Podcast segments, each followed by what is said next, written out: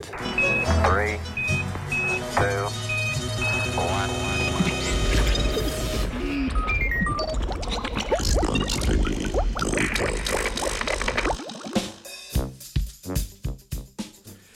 Parazitski roboti jahajo želve.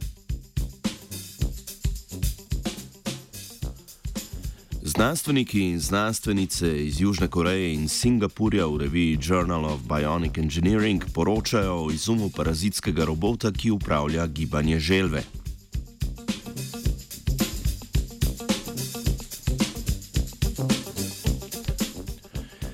Kljub velikemu napredku v robotiki so mali mobilni roboti danes gibalno še zelo omejeni, predvsem zaradi kratkega časa delovanja baterij. Zato se je že pred časom pojavila ideja, da bi izdelali robote, ki bi bili preko virtualne resničnosti, denimo svetlobnih dražljajev, zmožni kontrolirati gibanje živali. Živali so namreč dovzetne za to vrstne virtualne dražljaje in jih sprejemajo kot dejansko resničnost.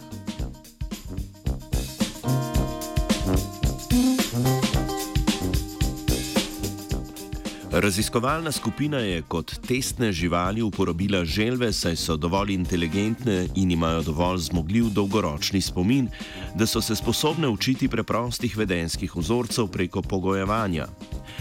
Kot dražljaj, ki naj bi vplival na gibanje želv, so raziskovalci in raziskovalke izbrali rdečo svetlobo led lučke.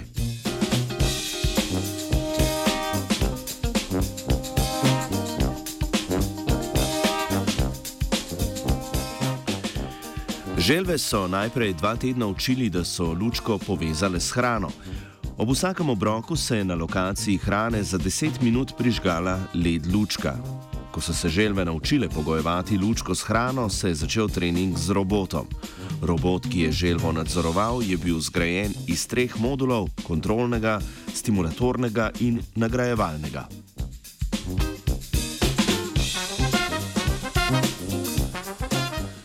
Robot, pritrjen na želvin hrbet, je preko kontrolnega modula prejemal informacije o trenutni poziciji želve in na podlagi tega usmerjal njeno gibanje s pomočjo stimulatornega modula. Ta je bil sestavljen iz petih led lučk pred želvino glavo, razporejenih tako, da so bili koti med njimi glede na želvine oči 30 stopinj. S tem so zajeli 120 stopinj široko območje smeri gibanja.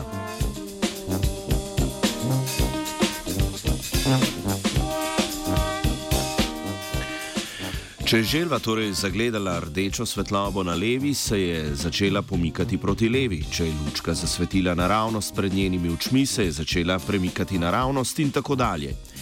Ko je želva dosegla cilj, se je iz nagrajevalnega modula iztisnil užiten gel, ki ga je želva pojedla.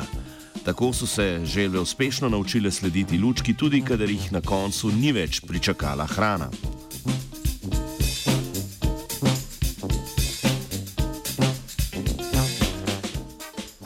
Raziskava je pokazala, da bi predlagani parazitski robotsko-živalski sistemi lahko delovali in v prihodnosti morda olajšali raziskave nepoznanih terenov. Vendar pa bo verjetno potrebno še veliko testov, preden se bo sistem oziroma preden bo sistem prenosljiv v naravno okolje.